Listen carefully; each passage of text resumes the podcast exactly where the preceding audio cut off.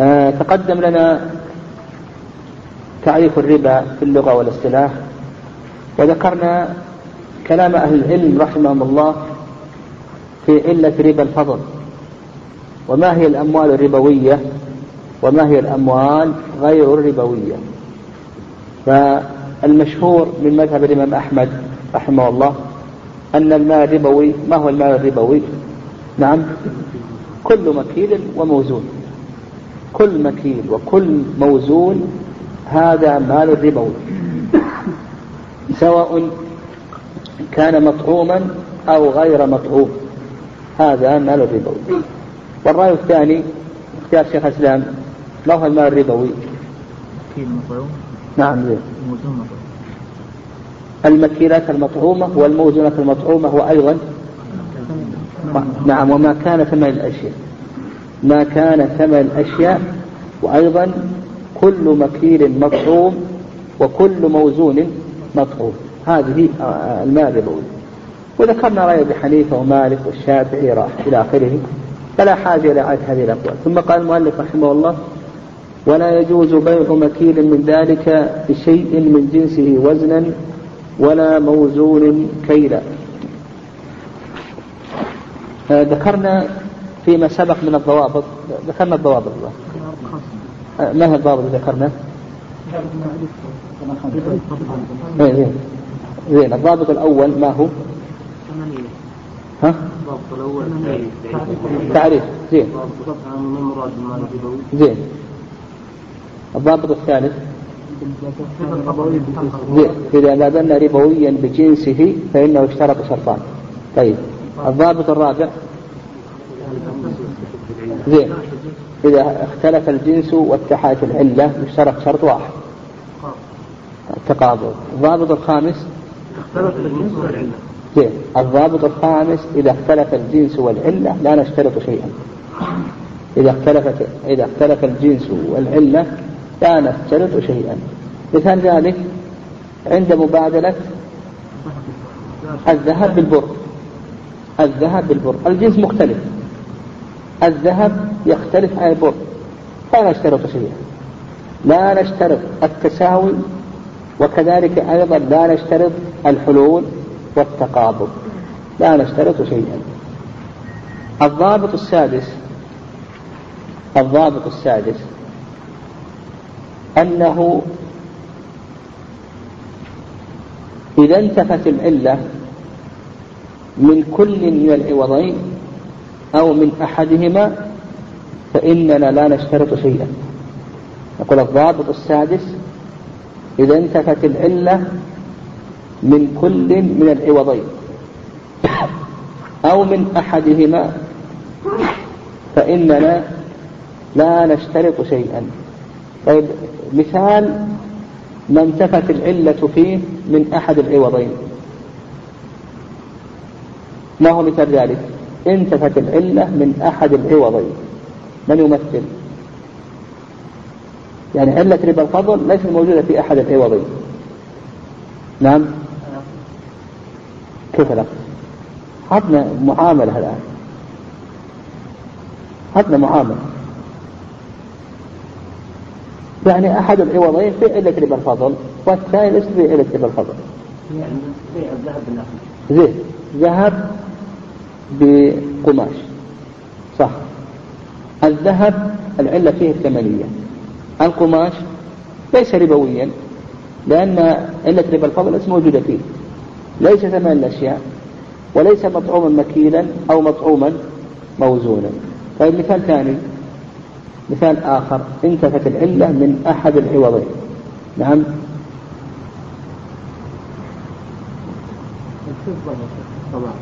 زين. الفضة بالطماطم. الطماطم ليس مال ربويا لأنه وإن كان مطعوم إلا أنه ليس مكيلا ولا موزونا. طيب مثال ثالث. نعم. نعم الريالات في السيارات الريال ربوي الريالات ربوية.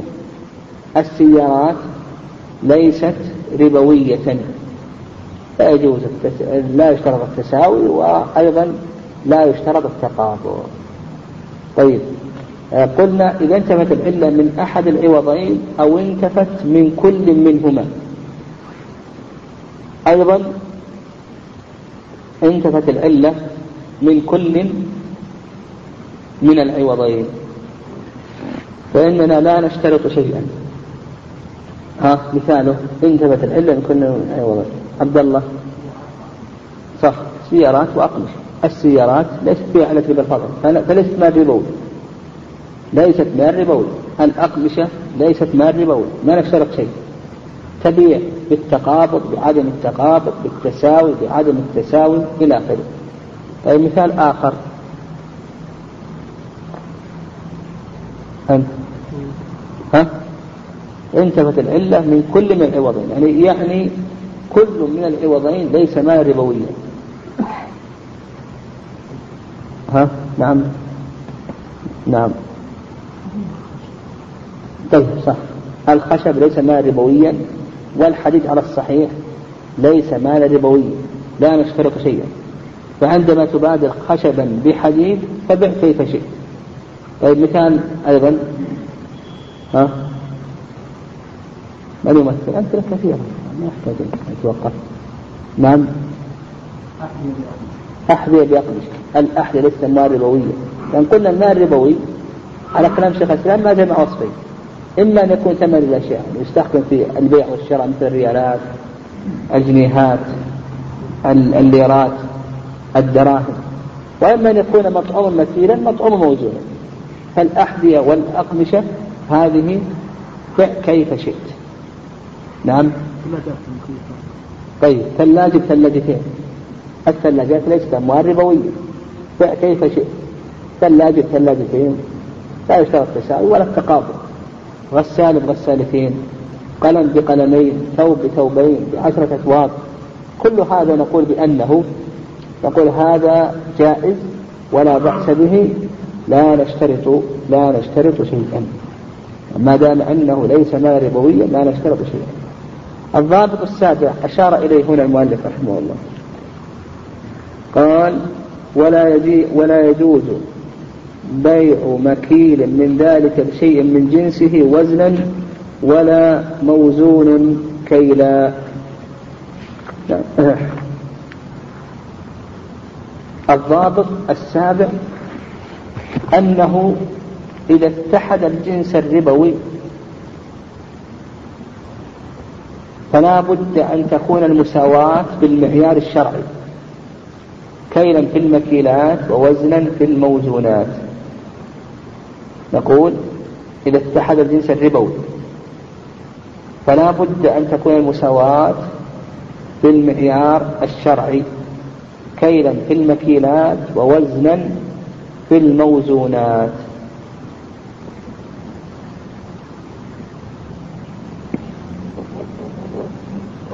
كيلا في المكيلات ووزنا في الموزونات. إذا اتحد الجنس الربوي. مثال اتحاد الجنس الربوي. مثاله. ها؟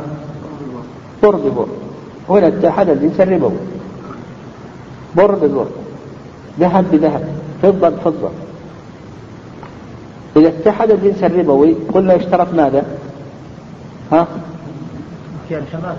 التواساوي والتقابل أن يكون يدا بيد. هذا التساوي لا بد أن يكون بمعياره الشرعي كيلا في المكيلات ووزنا في الموزونات. فالبر ما هو معياره الشرعي؟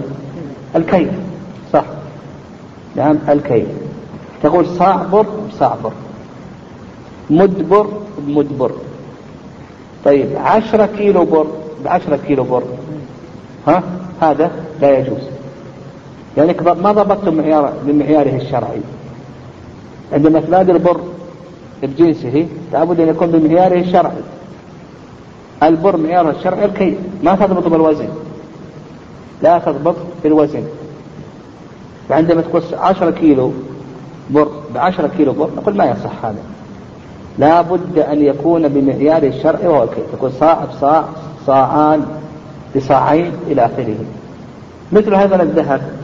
معيار الشرع ماذا؟ الوزن. معياره الشرعي الوزن.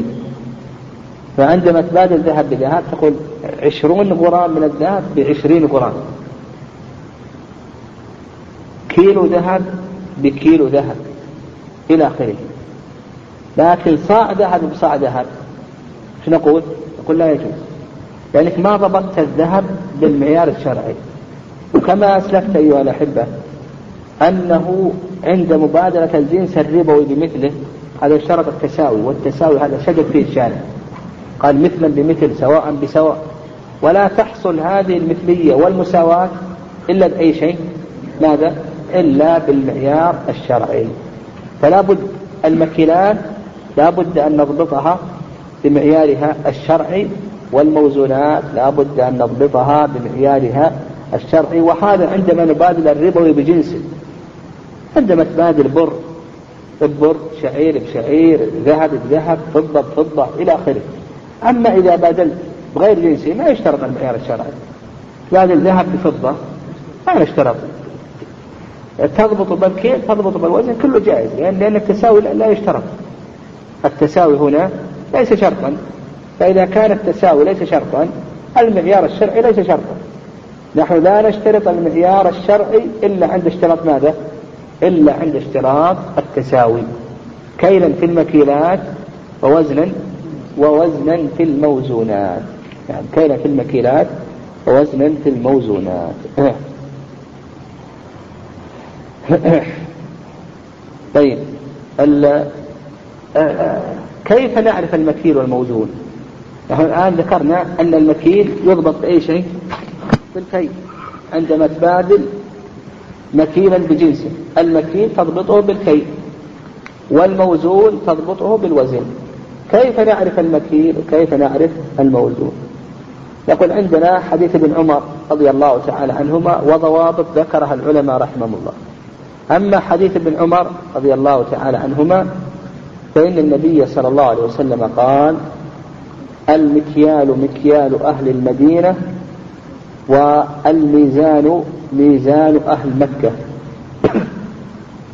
هذا حكم من النبي صلى الله عليه وسلم. المكيال مكيال أهل المدينة والميزان ميزان أهل مكة. الميزان ميزان أهل مكة.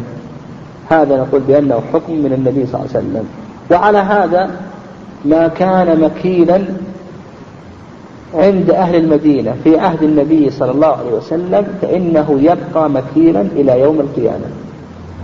ننظر ما هو ال ال آآ آآ ننظر إلى المكيلات في عهد النبي صلى الله عليه وسلم عند أهل المدينة. فهي تبقى مكيلة وننظر إلى الموزونات عند أهل مكة. في عهد النبي صلى الله عليه وسلم فتبقى موزونة. فالبر مكيل عند أهل المدينة في عهد النبي صلى الله عليه وسلم. والتمر مكيل والملح مكيل والشعير مكيل والذهب موزون عند أهل مكة. والفضة موزونة عند أهل مكة في عهد النبي صلى الله عليه وسلم. فتبقى هذه الأشياء. نقول بأن هذه الأشياء تبقى ماذا؟ تبقى موزونة وتلك تبقى مكيلة. فما كان في عهد النبي صلى الله عليه وسلم عند أهل المدينة مكيلة فإنها تبقى مكيلة. وما كان في عهد النبي صلى الله عليه وسلم عند أهل مكة موزونة فإنها تبقى ماذا؟ تبقى موزونة. يعني تبقى موزونة. طيب آه، آه، الأشياء التي لم توجد في عهد النبي صلى الله عليه وسلم. عند أهل مكة ولا عند أهل المدينة فما الحكم فيها؟ إذا كان عندنا أشياء لم توجد عند أهل مكة أو عند أهل المدينة فما الحكم فيها؟ نعم. طيب هذا موضع خلاف. موضع خلاف. بعض العلماء يقول بالقياس مثل ما ذكر. بالقياس. يعني أنها تلحق بما يشابهها عند أهل مكة أو أهل المدينة والقول الثاني أنه يرجع إلى عرف البلد يرجع إلى عرف البلد. فننظر أعراف الناس هل هذا مكين عندهم أو هذا موزون؟ وقد ذكر العلماء رحمهم الله ضوابط للمكيلات والموزونات. من هذه الضوابط أولا. قالوا كل الحبوب مكيلات هذا ضابط يشمل كثير من الحبوب. قالوا كل الحبوب مكيلات هذا يدخل فيها الرز يدخل فيها الذرة يدخل فيها الدخن يدخل فيها السمسم أشياء كثيرة. هذه كلها ماذا؟ مكيلات فعندما تبادل رز برز وش اشترط ماذا؟ الكيف يعني عندما تبادل رز برز نشترط الكيف عندما تبادل آه سمسم بسمسم اشترط الكيف. ذرة بذرة اشترط الكيف. أن يكون مكيلا إلى آخره. معيار الشرعي هو الكيف. أيضا الضابط الثاني قالوا بأن كل المائعات مكيلات. كل المائعات مكيلات. يشمل هذا الدهن يشمل العسل يشمل الحليب يشمل اللبن. فعندما تبادل الحليب بحليب الحليب بقرة بحليب بقرة ها هو شو اشترط أن يكون في الكيل. تبادل عسل بعسل يشترط الكيل. عندما تبادل دهن بدهن اشترط الكيل. لبن بلبن اشترط الكيل. إلى آخره. كل المائعات يقولون بأنها مكيلات يعني كل المائعات مكيلات. الضابط الثالث قالوا كل المعادن موزونات. كل المعادن موزونات. فعندك الذهب موزون الفضة موزونة الحديد هذا إذا قلنا بأنه يجري فيه الربا. موزون الرصاص موزون النحاس موزون إلى آخره. فعندما تبادل الحديد بحديد تضبط بأي شيء؟ بالوزن. تضبطه بالوزن ما تضبطه بالكيل لكن الصواب أن الحديد ليس ليس ربويا. الحديد ليس ربويا. تبيع حديد بحديد متفاضل مع القبض كلها أو دون القبض هذا كله جائز ولا بأس به. الضابط الرابع الضابط الرابع قالوا بأن الشعر والقطن والحرير والصوف والوبر هذه كلها موزونة عندهم الصوف والحرير والقطن والوبر إلى آخره. هذه يقولون بأنها كلها ماذا؟ موزونة. فالصوف بالصوف تضبطه بأي شيء؟ بالوزن. ال ال القطن بالقطن تضبطه بالوزن. هذا إذا قلنا بأنها ربوية على قول الحنابل والحنفية. لكن إذا قلنا مما اختار الشيخ حسن تيمية رحمه الله فالقطن ليس ربويا إلى آخره. نذكر الضابط الأخير وننتهي.